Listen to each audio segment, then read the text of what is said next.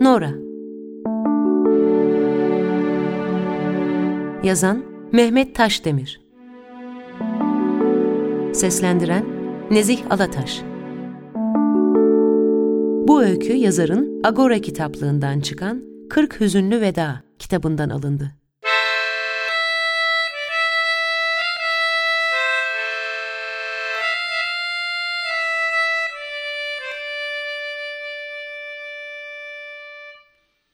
Yağmurdan sırılsıklam olmuş halde eve döndüğüm şu saatte çok karışık duygular içindeyim Nora teyze. Teyze dişime aldırma sen. Çok uzun yıllar önce seni tanıdığımda abla derdim sana. Senin kiracılarındık. Dört kişilik bir aileydik o zamanlar.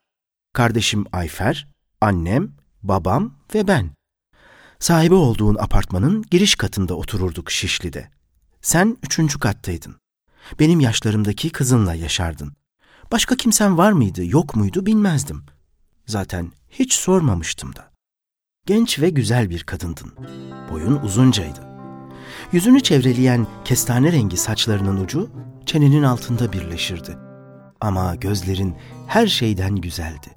İnsanın üzerinde kaçamayacağı bir etki bırakırdı. Dışarı pek çıkmazdın. Senin bu halini hep merak ederdik. Nadiren çıkmak zorunda kaldığında da kimseyle konuşmazdın. Veya konuştukların birkaç kelimeyi geçmezdi. Belki de herkesten çok ben merak ederdim seni. Kimileyin girişteki merdiven basamaklarına oturur, geçmeni beklerdim. Annem sorduğunda oyun oynadığımı söylerdim. Üşümekten içim titrerdi de yine de beklemekten vazgeçmezdim. Varlığının yaydığı o bir çeşit büyü beni kıskıvrak yakalamıştı çünkü. Bunun sebebini ben de bilmiyordum. Yanımdan geçtiğinde gülümserdin bana. İşte o gülümsemen bekleyişimin bittiğini ilan ederdi. Sen gözden kaybolur kaybolmaz içeri koşar, yorganı başıma değin çeker, ısınmaya çalışırdım. Yüzünü hayalimde canlandırarak bedenimde karıncalanan soğuğu çabucak unuturdum. Ah Nora teyze, o zamana değin tek kelime bile konuşmamıştık seninle. Bunu ne kadar istediğimi tahmin edemezdin. Ama böyle olması sanki daha çok hoşuma gidiyordu. Suskunca hallerin gizem doğurduğunu bilecek yaşta değildim. Gizemin de merak duygusunun körüğü olduğunu. Bir gün yine seni beklerken yanımdan geçtin. O an boğazımı tıkayan heyecanımı yutmaya çalışıyordum ama olmuyordu bir türlü. Boğuluyordum sanki. Üç basamak çıktın. Bu kez de umudumu yitirmek üzereydim Benimle yine konuşmayacaktın ama yanılmıştım. Aniden hiç beklemediğim bir anda durdun ve dönüp bana baktın. İçimden ne sevinebildim ne de benim gözüme imkansız görünen böyle bir anda korkmaya zaman bulabildim. Gülümsüyordun ama bu seferki gülümsemen çok farklıydı. Beni çağırdın. Ayağa kalktım ama ne yapacağımı bilmiyordum. Ellerim titriyordu. Konuşsam belki dudaklarım da titreyecekti. Bir an koşup evime girmeyi bile düşündüm bu yüzden. Oysa ayaklarım beni sana doğru sürüklüyordu. Çünkü bir mıknatıs gibi çekiyordun beni. Birkaç basamağa birlikte çıktık. Kolumdan tuttun. Sonra yumuşacık parmakların kısacık saçlarımı okşadı. İçim hafifledi. Adımı sordun, fısıldayarak söyledim. Güzel bir evin vardı. O zamana kadar hiç görmemiştim bu kadar güzel bir ev. Evden çok bir resim atölyesine benziyordu. Hangi tarafa döndüysem resim gördüm. Yağlı boya resimlerdi hepsi de. Köşedeki masanın üstünde çeşitli boylarda fırçalar ve boya kutuları vardı. Tuvalde yarım bıraktığın bir resmin üzerine şeffaf bir tül atmıştın. Buradaki her şey benim için olağanüstüydü. Bambaşka bir dünyaya gelmiş gibi hissediyordum kendimi. O tek düze çocukluğumu içeri girerken kapıda bırakmıştım sanki. Bana yabancı bir dünyanın orta yerinde kalıvermiştim aniden. Bunu o an en iyi sen görebilirdin. Çünkü içeride ikimizden başka kimse yoktu. Bir süre sonra elimi tuttun. Beni kapının yanı başındaki bir resmin yanına götürdün. Resmin önünde durduk. Anlatmaya başladın. Ama ben hiçbir şey anlamıyordum. Sonra bir diğerine geçtik. Neredeyse bütün resimleri anlattın bana. Beni bu denli önemsemene çok şaşırmıştım. Bir rüya içindeydim sanki. Hala elimi tutuyordun. Sonra oturmam için yüksek bir tabureyi gösterdin. Kızın diğer odadan uykulu gözlerle geldi. Beni görünce şaşırdı, geri döndü.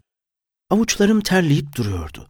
Beni her geçtiğinde neden merdivenlerde oturur halde gördüğünü sorduğunda uzun süre ne cevap vereceğimi bilemedim. Bir şeyler uydurmak istiyordum ama beni her zaman kıskıvrak ettiğini düşündüğüm bakışlarının altında bunu yapamayacağımı hissettim. Neyse ki imdadıma yine sen yetiştin, sözü değiştirdin. O zamana kadar kimse güzel bir çocuk olduğumu söylememişti bana. Buna annem de dahildi. Bu nedenle olmalı yüzüne şüpheyle bakmıştım.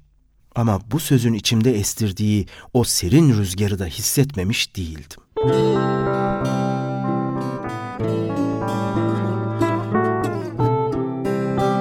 O gün yanından ayrılır ayrılmaz eve koştum. Kimseye görünmeden kırık aynamızın karşısına geçtim. Yüzümü uzun uzun seyrettim. Küçük kıyılarda, küçük tekneleriyle keşfe çıkan biri gibiydim. Yüzümün kıyılarında seni doğrulayacak güzellikler aradım. Parmak uçlarımla ürkek bir kız gibi dudaklarıma dokundum.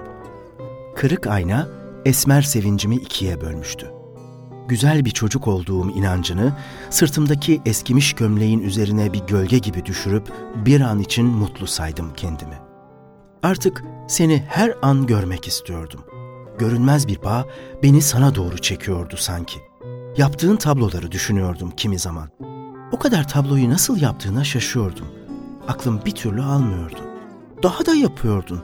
Gününün büyük bir bölümü resim yapmakla geçiyordu. Bense her zamanki gibi evin merdivenlerinde oturup senin geçmeni bekliyordum. Alışmıştım artık. Senin ayak seslerini duyduğumda nefesimi tutuyordum. Oysa belki de orada beklememe gerek kalmamıştı.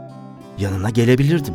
Benimle ilk konuştuğun zamanki gibi parmaklarını saçlarımın arasında dolaştırıp içimdeki o tarifsiz mutluluğun kapısındaki kilidi kısacık süren gülümsemenle açabilirdin. Ama beklemek hoşuma gidiyordu benim. Sonradan kendime küçücük bir oyun buldum. Her gün bir basamak yükselecektim. Senin evine ulaşmak için galiba 30 basamak çıkmam gerekiyordu. Bu da bir aylık bir süre demekti. Son basamağa da tırmandıktan sonra ne yapacağımı şimdiden düşünmeye başlamıştım. Belki de başka bir oyun icat ederdim kendime. Bir çocuk tırmanacağı basamakları kendine oyuncak yaptığında yaşamayı unuturdu galiba. Ben de zaten her şeyi unutmuştum. Sadece tırmanacağım basamakları düşünüyordum.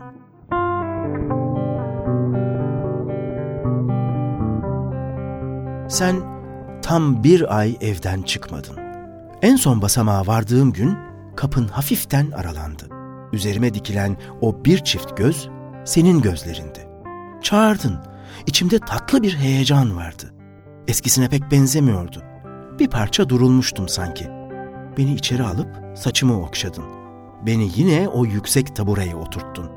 Hiçbir hareketini kaçırmadan merakla seni izliyordum. Şövalyeyi çektin, boyaları hazırladın, fırçalarını gözden geçirdin. Sonra bomboş tuvale uzunca bir süre baktın. Dudakların mırıldıyordu. Hüzünlü bir şarkıya hazırlanır gibiydin. Şimdi tam hatırlamıyorum ama Galiba ilk önce saçlarım düştü tuvale. Sonra yüzümü resmettin. Gözlerim acı çeken bir yetişkinin gözleri gibiydi. Belki beni olduğum gibi, yani bir çocuk gibi çizmek istemiştin ama yüzümdeki ifadeler buna direnmişti. Sesim ve bakışlarım kısıktı. Ama ben senin yanında olmaktan mutluydum. Belki de mutluluğumu daha yakından görmek için iyice eğilip gözlerimin içine bakmıştın her fırça darbesinden önce. Senin karşında nasıl da usluydum öyle. Varlığın beni oracağa çivilemişti. İlk gün böyle geçti. Resmi bitirememiştin. Belki de bitirmek istememiştin. İkinci, üçüncü gün geldim. Günlerce sürüp gitti bu gidip gelmeler. Hep aynı elbiselerle karşına geçiyordum. Değiştirmemi istememiştin. Gömleğimin yırtığını beşinci gün diktirip gelmiştim de sen aynı yerden yırtmıştın onu. Böyle daha güzel çıkacaksın demiştin. Ben buna pek bir anlam verememiştim. Kaç gün sürdü bilmiyorum. Bittiğinde resmi bana vereceğini sanmıştım. Ama resmi vermek yerine tutup yanağımdan hafifçe öpüp göndermiştin. O zaman pek düşünemediysem de yıllar sonra bir ödül olarak kabul ettim o öpücüğünü. oyuncaklar alırdın bana. Ama o günden sonra da beni en çok mutlu eden senin gülümsemendi. Galiba gülümsemeni yalnızca bana saklardın. Başka birilerinin karşısında gülümsediğini hatırlamıyordum. Neden yüzün hep kederliydi Nora teyze? Belki şimdi de bir cevabın yok bu sorulara. Sen gördüğüm hiçbir insana benzemiyordun. Hayat sana kendi benzerine rastlama şansı tanımamıştı galiba. Hem ben bunun iyi mi kötü mü olduğunu da bilmiyordum. Şişli'deki evden taşındığımız günü hatırlıyor olmalısın. Aradan uzun yıllar geçti. En son merdivenlerde karşılaşmıştık. Sarılmıştın bana. Göğsüne bastığında dudaklarım titriyordu. Ağlamamak için kendimi ne çok zorlamıştım. Bir bilsen. Bir daha uzun süre birbirimizi göremeyecektik. Hiç kimse aramızdaki şimdi bile tarif edemediğim sevgiyi bilmeyecekti. Kolların gevşeyince koştum her zamanki gibi. Yorganımı başıma kadar çekip hayallere dalmak istedim. Ama yorganı çoktan arabaya yüklemişti annem. Merdivenleri çıkarkenki görüntünü belleğime yerleştirip kendimi dışarı attım. Seni sonraki yıllarda hep merdivenleri çıkarken hayal ettim. Aceleyle büyütüldüm ben. Aslında büyümek için hiç acelem yoktu. Ama hayat durmadan yaşımı büyüttü. Titrek bacaklarımın kaldıramayacağı yollar serdi önüme. Babam çok erken öldü. Bir gemide iş bulup çalışmaya başladım. Uzak ülkeler gördüm sonra.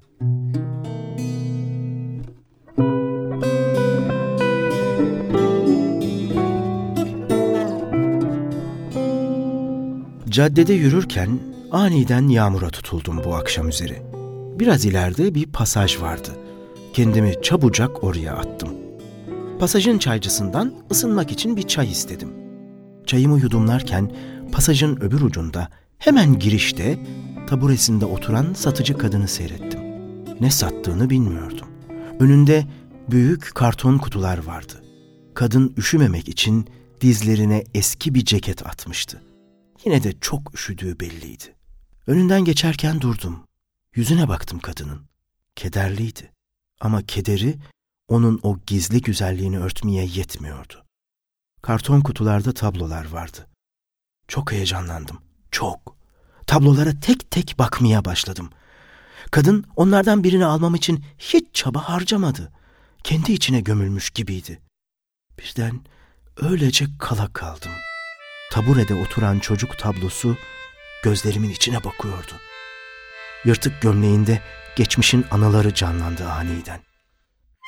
Tablonun sol alt tarafında yoksul ve güzel Nora yazıyordu. Sen misin, siz misiniz diyemedim. Dilim tutuldu, ağzım kurudu, boğazım düğümlendi. Soramadan, tek kelime edemeden yoksul ve güzeli alıp yürüdüm. Ben seni şunca yıl merdivenleri çıkarken hayal ettim Nora teyze. Çok soğuk değil mi? O eski ceket dizlerini ısıtıyor mu?